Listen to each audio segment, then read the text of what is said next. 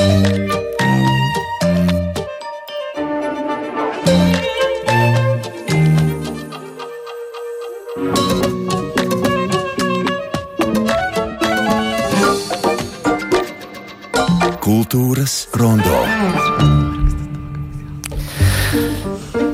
Vērīgāks klausītājs jau sadzird sačukstēšanos un jau sarunu šeit Latvijas kultūras rondo studijā. Labrīt, esiet sveicināti Latvijas radio klausītāji. Radījums kultūras rondo eterā un ar jums kopā Gustavs Terzens un ne tikai. Bet jau to daļu kultūras rondo studijā sarunāsimies ar Latvijas mākslas gada grāmata Wunder kombināts divi veidotājām un autoriem. Kultūras rondo. Nu, mums ir uzreiz jāatzīst, par ko mēs sačukstējāmies, un jāatzīst, ka mēs jau sarunu sākām pirms ētera. Ar mani kopā vizuālās kultūras pētniece un pasniedzēja kultūras un sociālās antropoloģijas maģistra Lijāna Ivete Žilde. Labdien! Labdien! Un gada grāmatas veidotāja Laura Broka. Sveiki! Brokāne. Brokāne, es atvainojos, un ar otru gada grāmatas veidotāju Elīnu Čempeli mēs to daļu sazināsimies, jo Elīna ir Berlīnē. Un mēs jau noskaidrojam, ka viņai tur ir nedaudz siltāks. Pirmkārt, pirmkārt laimīgi jauno gadu.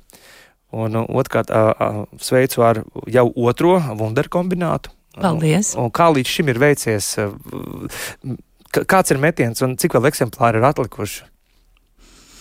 Nu, šobrīd mēs tieši nodarbojamies ar izplatīšanu, un pamazām tā kā izdevums iznāca gada beigās, tad izplatīšana notiek pamazām un pamazām grāmata nonāk veikalos. Tāpēc vēl pāragri runāt par kādiem pārdošanas cipariem. Un šo jautājumu tir, savā ziņā arī iztirzājām ar e, Elīnu Čempeli, jo arī Berlīnē tiek meklētas dzirdīgas ausis un lasošas acis Wunder kombinātam. Ieklausāmies, kas sakāms Elīnai Čempelei. Labrīt, Elīna no Rīgas Berlīnei! Labrīt! No mūsu mīnus 15, eh, jūsu gadījumā es ceru, ka jums ir siltāks. Mums ir siltāks, mums ir, es neesmu šorīt paskatījusies, bet bija plusos noteikti. Kāda plus 5 varētu būt? Tās ir labas ziņas. Laimīgi jauno gadu pirmkārt, un, um, un uh, sveicu arī ar jau otro Latvijas mākslas gada grāmatas uh, Wunder kombinātu divu iznākšanu toni nosaka pirmie divi raksti, pirmie divi autori, un tās ir um, autores mm. no Ukrainas - Svitlāna Biedārjeva un uh, Katerina Botāna. Kāds bija tas lēmums? Nu, pirmkārt, jau tā laikam mazliet jāatgriežas vēsturē, kad veidojot arī pašu pirmo izdevumu, mūsu jau sākotnējais uzstādījums bija, ka mēs skatām mākslu ne tikai mākslas teorijas un vēstures ietvarā, bet arī daudz plašākā kontekstā saiknē ar kultūras, sabiedriskiem un sociālpolitiskiem notikumiem, jo māksla jau nav kaut kas atrauc. Un varbūt Latvijā mazliet pieklusinātāk, bet nu, teiksim, tā mākslas vidas reakcija, kas ir bijusi uz notikumiem kara Ukrainā un ne tikai, ir bijusi ļoti, ļoti spēcīga. Un tieši karš Ukrainā ir ļoti, ļoti motivējis un rosinājis pētniekus gan mākslas vidē, gan pilnīgi citās disciplīnās, arī politikas zinātnē un citur, pievērsties tieši mūsu pašdefinēšanai, kas mēs esam 21. gadsimtā, kā Austrumēropa, kur mēs stāvam. Tas ir noteikti ietekmējis gan emocionāli, gan ļoti daudzos citos līmeņos mūsu visus, tos māksliniekus, kuratorus. Šie jautājumi ir kļuvuši ļoti, ļoti aktuāli un arī īpaši patiesībā Latvijas mākslas vidē. Bet, diemžēl, nav daudzi, kas varbūt varētu rakstīt tieši par šīm tēmām. Un Ukraiņas autors, protams, mēs izvēlējāmies diezgan apzināti, lai noturētu šo fokusu uz Ukraiņas karu, jo, protams, ir pagurums, pilnīgi saprotamā kārtā kārtā un gribās varbūt reizēm norobežoties no visiem šiem um, kara sižetiem un, un nepārtrauktajām. Nu jā, principā diezgan smagajām ziņām un informācijas apkārt. Mums likās svarīgi noturēt šo fokusu, kad mēs visi esam šajā telpā, mēs neesam no tā atrauti, un tas mūs tā vai citādi ietekmē, ir ietekmējis un ietekmējis. Vienā no rakstiem varētu šķist, ka izskan apsūdzība tam, ka rietumi augstprātīgi nedzird un nesaprot to valodu, kurā šī situācija, šī realitāte runā. Vai jums ir izdevies ar šo izdevumu? Viņš ir divās valodās, latviešu un, un angļu. Vienā lapusē ir latviešu valoda, otrā ir uzreiz angļu tulkojums. Vai jums ar šo izdevumu, nu, burtiski pēc nepilna mēneša pēc iznākšanas, ir izdevies uzrunāt dzirdīgākas ausis ārpus Latvijas? Nu, tādā varbūt nelielā lokā pavisam noteikti. Nu, tas ir ņemot vērā mūsu sadarbības partnerus uh, projekta un teiksim, tik tālu, cik ir izdevies izdevumu izplatīt. Bet nu, arī jāsaka, ka varbūt šo rakstu un arī izdevumu misiju noteikti nav varbūt um, mainīt tieši šo rietumu skatījumu, bet drīzāk varbūt likt aizdomāties pašiem un iztaistot mugurus pašiem un padomāt, ko mēs paši par sevi domājam. Tas varbūt drīzāk um, tā bija orientācija, jo arī tā rakstu tematika, kā viņa radās, bija ļoti dabiski no ļoti, ļoti daudziem izteikumiem tieši rietumu kultūras izdevumos, un ne tikai kultūras izdevumos, tas mākslinieku un kuratoru izteikumiem, kas radīja tādu nu, tā, diezgan sašutumu. Un, manuprāt, ir ļoti apsveicami, ka beidzot nu, viens no tādiem varbūt traģiski pozitīviem iznākumiem no kara rosinātajām sekām ir tāds, ka mm, mūsu reģions beidzot sāk varbūt tā nopietnāk pievērsties, jo viss šīs, mm, teiksim, nu, ko mēs saucam par vesplainingu, šie diskursi, nu, viņi ir, narratīvi ir bijuši vienmēr apkārt, bet, nu, teiksim, Ukrainas kara kontekstā viņi ir uzpeldējuši daudz daudz jaudīgāk un griež daudz sāpīgāk. Līdz ar to šiem jautājumiem beidzot pievēršās daudz nopietnāk um, dažādu disciplīnu pētnieki, arī vienkārši žurnālisti un dažādu jomu cilvēki. Kā tu pati subjektīvi izproti šo te uh, jaunradīto jēdzienu vestsplainings? Vestsplainings nāk patiesībā ciešā saiknē ar vēl vienu terminu, kuram arī es patiesībā nezinu īsti latviskojumu. Mansplainings, tas izriet no ka vīrieši paskaidro kaut ko sievietēm, kā ir būt sievietēm, piemēram, vai tam līdzīgi. Nu, bet pēc būtības tas nozīmē to, ka īsti nepārzinot to, kas notiek teiksim, ārpus rietumu perifērijas, bet ar tādu augstprātīgu patronizējuši attieksmi skaidrot, kas šeit pie mums notiek, patiesībā nepārzinot uh, mūsu vēsturi un ne tikai vēsturi, arī tagadni. Jā, patiesībā ignoranta arogance, varētu teikt tā, attieksmē. Jā, un kas, diemžēl, ir arī akadēmiskajā vidē, bet ne tikai rietumu akadēmiskajā vidē. Bet, jā. Mm. Un uh, vēl viens uh, vārdu savienojums - veselīgs escapisms. Priekšvārdā žurnālam ir minēts kā forma, kuru mēs meklējam tajā nogurumā. Nu jau tās divi gadi būs apkārt kopš mm -hmm. Krievijas iebrukuma Ukrajinā.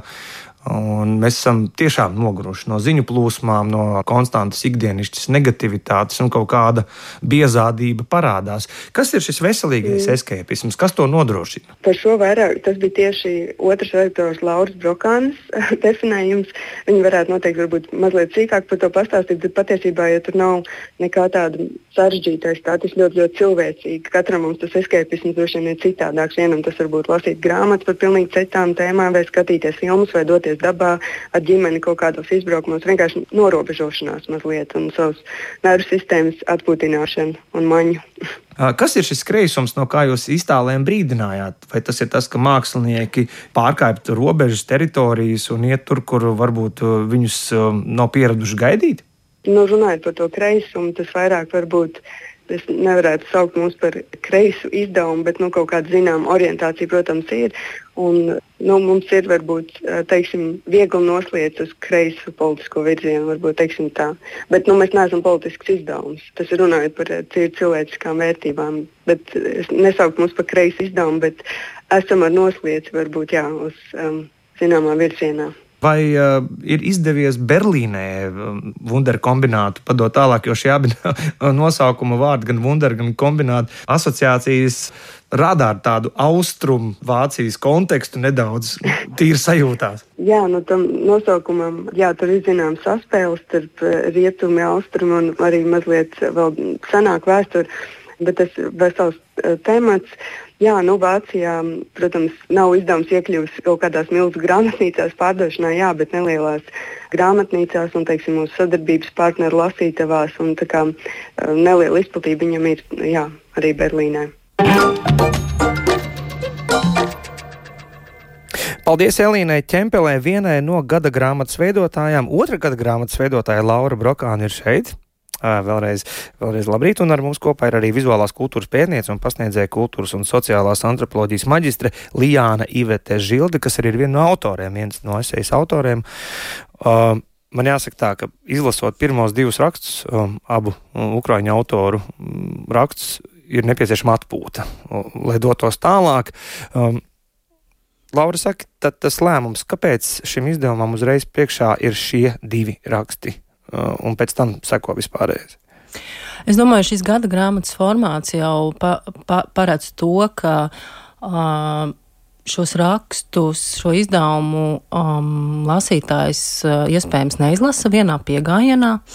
Bet līdzīgi kā autori strādājuši visu gadu, arī lasītājs iespējams visu gadu vai, vai kādā ilgākā laika posmā lasa. Uh, šos, šos tekstus. Teksti ir veidoti padziļināti, gari, analītiski, līdz ar to es domāju, ka ir nepieciešama pauze starp tiem. Un tādējādi, Gustav, iespējams, ka tu esi viens no nedaudzajiem, kurš ir gribējis izlasīt vienā piegājienā šo izdevumu. Tāpēc varbūt šie pirmie divi ukrāņu raksti liekas tādi smagnēji un piebremzējoši.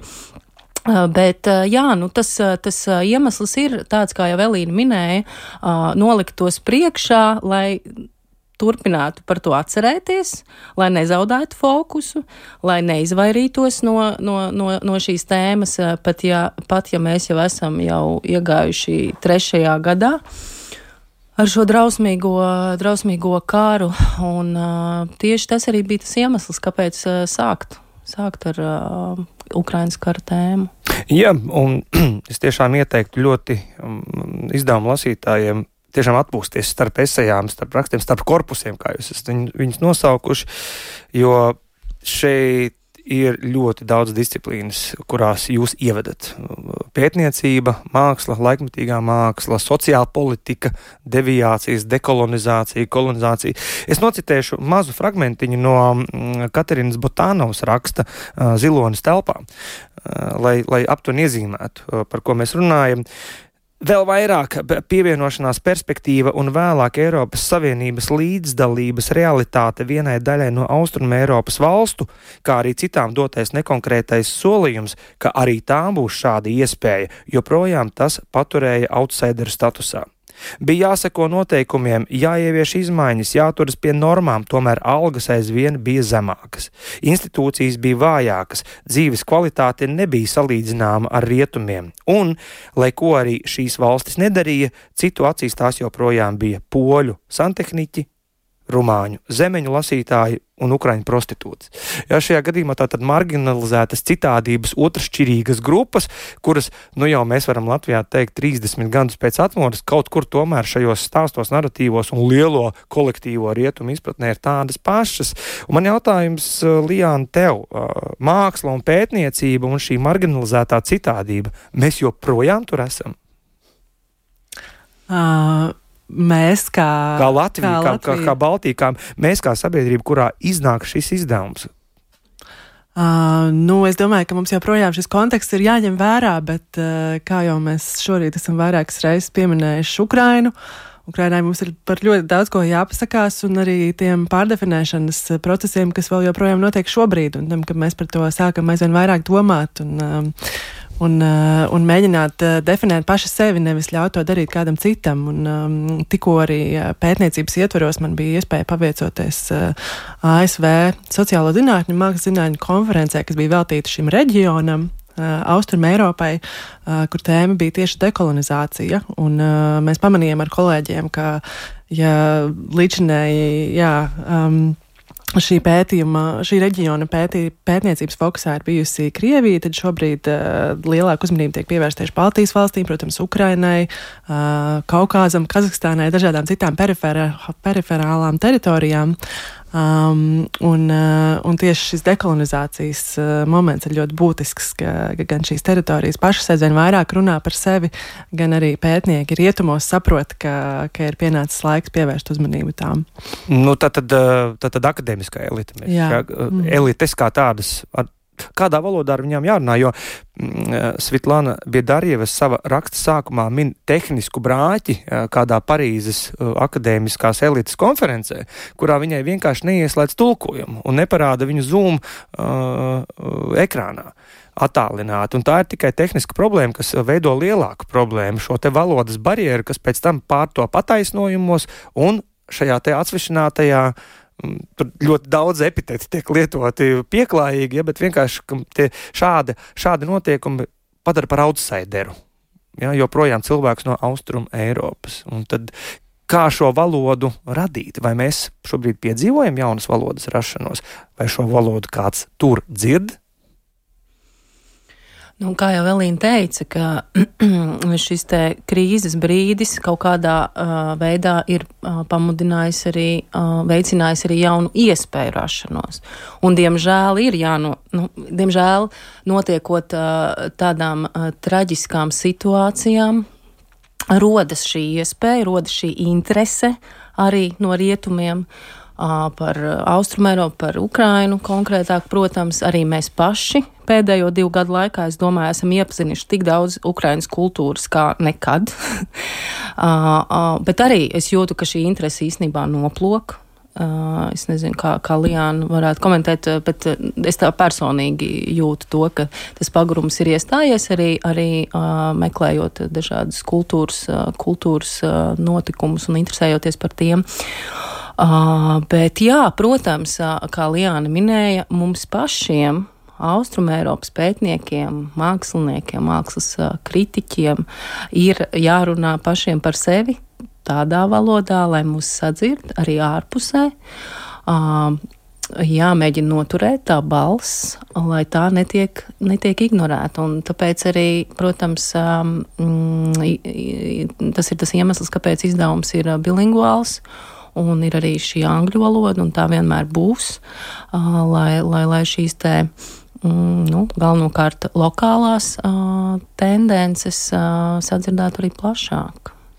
Es labprāt uh, dalītos ar vēl vienu citātu, ar vēl vienu mm, sadaļu no šajā gadījumā. Svitlānas Biedārievis raksta, un tad padomāsim kopā, varbūt šādam izdevumam ir jāiznāk Londonā, Parīzē un Vašingtonā, nevis, nevis Rīgā. Franču filozofs Žaks Rancieris norāda, ka skatīšanās ir pretēja zināšanai. Pētot skatītāju līdzdalību, viņš nonāk pie secinājuma, ka esot skatītājs, cilvēks nespēja ne izzināt, ne rīkoties. Taču politiskajā teātrī šī šķietamā pasīvā liecinieka bezspēcība bieži vien ir iluzora. Mēdīju izrāda brīžiem pārvēršas par kāstingu. Rietuma auditorija izlemj, vai tā vai cita lieta ir uzmanības vērta, savukārt tas, cik skarba ir realitāte, nav no svara. Tāpēc daudzi globāli jautājumi, kara noziegumi un zvērības nav pietiekami aplūkoti ārpus no tiešās ietekmes zonas. Tomēr pastāv būtiska atšķirība starp emancipētu skatītāju un neiesaistītu skatītāju. Ja pirmais ir šķietami pasīvs tieši savas lomas dēļ, tad otrais neiesaistās labprātīgi. Pretoties šai vuārisma kultūrai ir iespējams tikai paplašinot zināšanas par Ukrainas situācijas būtību, padarot to pieejamu, tulkojumu un iesaistošu. Ja, un šeit tāds sajūtas voārisms, ja, ka, ka tajā pamatvārda nozīmē, ka mēs tā kā glūnētu kā pāris uh, nododas intīmai, in, intimitātei, tad rietumi tā kā skatās uz karu un uzbudinās no tām zvērībām, no kurām viņi ir attālināti. Respektīvi, tā apsūdzība ir par to, ka, jā, mēs varam vērot vardarbību televizorā, bet piedzīvot paši mēs neesam to gatavi, un no tās negatīvības pozīcijām mēs te tagad spriežam. Ja? Un, un jautājums ir par to, kāpēc šis izdevums iznāk Rīgā, nevis tur, kur mūs nedzird. Viņus, Ukrāņus, nedzird. Es domāju, ka mēs arī pietiekam viņus nedzirdam. Kā jau arī iepriekš teicu, ka mēs esam uh, tiešām tādā noguruma fāzē ienākuši, un, un tas, ko Uh, tas, ko tu citēji, tas man pilnīgi personīgi rezonēja ar, ar to, jo es, jo es žurnālā punktum uh, kopš kara sāku, kopš paplašinātā kara sākumā pievēršos Ukrāņu autoriem diezgan, diezgan intensīvi un pat personīgi esmu izjutusi šo te um, tādu problēmu ar to, ka es lūk aicinu Ukrāņu autorus uz festivālu, uh, viņi atbrauc, uh, izsaka savu, savu sāpi, un, un tad, tad, tad viņi aizbrauc, un, un tad tās sajūta ir tāda, ka kaut kādā ziņā uh, mēs esam viņus uh, izmantojuši bez tādas dziļākas iedziļināšanās. Man vienmēr ir tāds, tas pašpārmetums. Un skaidrs, protams, ka nav iespējams aptvert, aptvert visus šos aspektus, ko, ko, ko karš ir pavēris, bet jā, es arī, arī pati jūtos kaut kādā ziņā vainīga, kad strādāju ar šīm, šīm tēmām.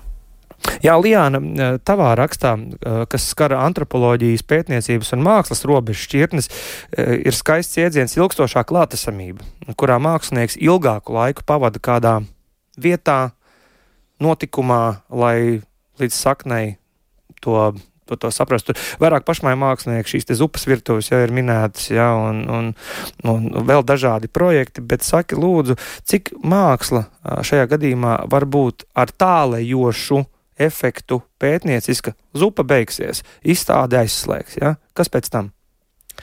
Uh, nu, atcaucoties vēlreiz uz uh, tevis nolasīto citātu, uh, iepriekš no izdevuma šis Ranciēra citāts par vuārismu un, un skatīšanos un to kaut kādu. Jā, varbūt pasivitāte, kas ienāk. Nu, man gribētos teikt, ka varbūt tieši tā māksla var piedāvāt citus skatīšanās veidus, un ka tā ir cita valoda, un ka tā nav šī ātrā mēdīju valoda, kur mums visu laiku vajag šīs ātrās ziņas, šo kaut kādu mainīgo, jauno, um, visu laiku. Um, pārsteidzošo un, un ja, jaunu šausmu skatus, bet ka tieši šī māksla ar to ilgstošo, iemiesoto pieredzi, sajūtām, ko mākslinieki var nodot uh, citos veidos, piedāvāt cilvēkiem varbūt tiešām iedziļināties, identificēties, uh, empatizēt un uh, dziļāk izprast tiešām šo cilvēku pieredzi konkrētās situācijās, arī tā starpā Ukrainā. Es varētu pieminēt, piemēram, tikko pirms dažām dienām iegādājāmies ar bērnu um, tikko iznākušu grāmatu Ukrainas bērnu stāsti, kas ir veidota Latvijas Mākslas akadēmijas studentiem, sadarbojoties ar um, jā, darbnīcā veidojot kopā laikam tieši ar bērniem, kas ir atbēguši uz Latviju no Ukrainas, un viņu konkrētie stāsti ir pārvērsti grafiskos stāstos. Un uh, it kā tāds ļoti vienkāršs veids, bet tas ir kaut kas ļoti paliekošs, ļoti saprotams, ļoti uh, empātiju raisošs, kas tiešām var parādīt nevis šo sensacionālo skatu, kas ir nepieciešams mēdījiem, bet eh, šo ļoti personīgo, eh, privāto, intīmo skatu uz to, kāda šī pieredze tiešām ir bijusi. Tā kā jā, gribētu domāt, ka mākslā ir iespējas runāt eh, par šīm lietām arī jēgpilni.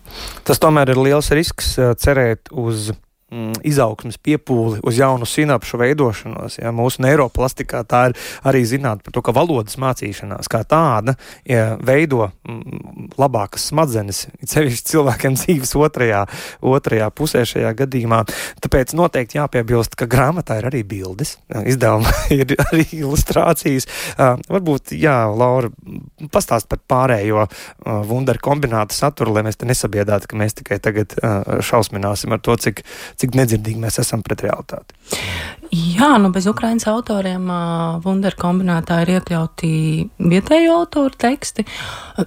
ļoti dažādas, dažādas tēmas un dažādas pieejas. Um, Uh, mēs esam uzrunājuši pētniekus rakstīt par uh, viņiem mm, tajā brīdī interesējušām tēmām, ko viņi varētu padziļināt, izvērst. Un tas arī ir tas galvenais kritērijs uh, - tekstu kvalitāte, tēmas dziļums un izpratne. Un šajā, šajā izdevumā ir lasāmi Rasas Jansons, Žanets Liekītes, Iljāns Veinbergs, Stēls Pelšas un Lijānas teksti. Un ko svarīgi um, piebilst, ko, ko Gustavs arī uzsvēra par šīm bildēm, uh, ka uh, katrā izdevumā ir arī, mēs iekļaujam arī uh, kāda mākslinieka vizuālo eseju. Un tas ir, tas ir šis noslēguma bloks, kurā, kurā šoreiz Santa Prānce ir veidojusi uh, vizuālo eseju, kas analogi ir skatāma arī, arī ISSP galerijā kā izstāde līdz pat uh, 7. martam.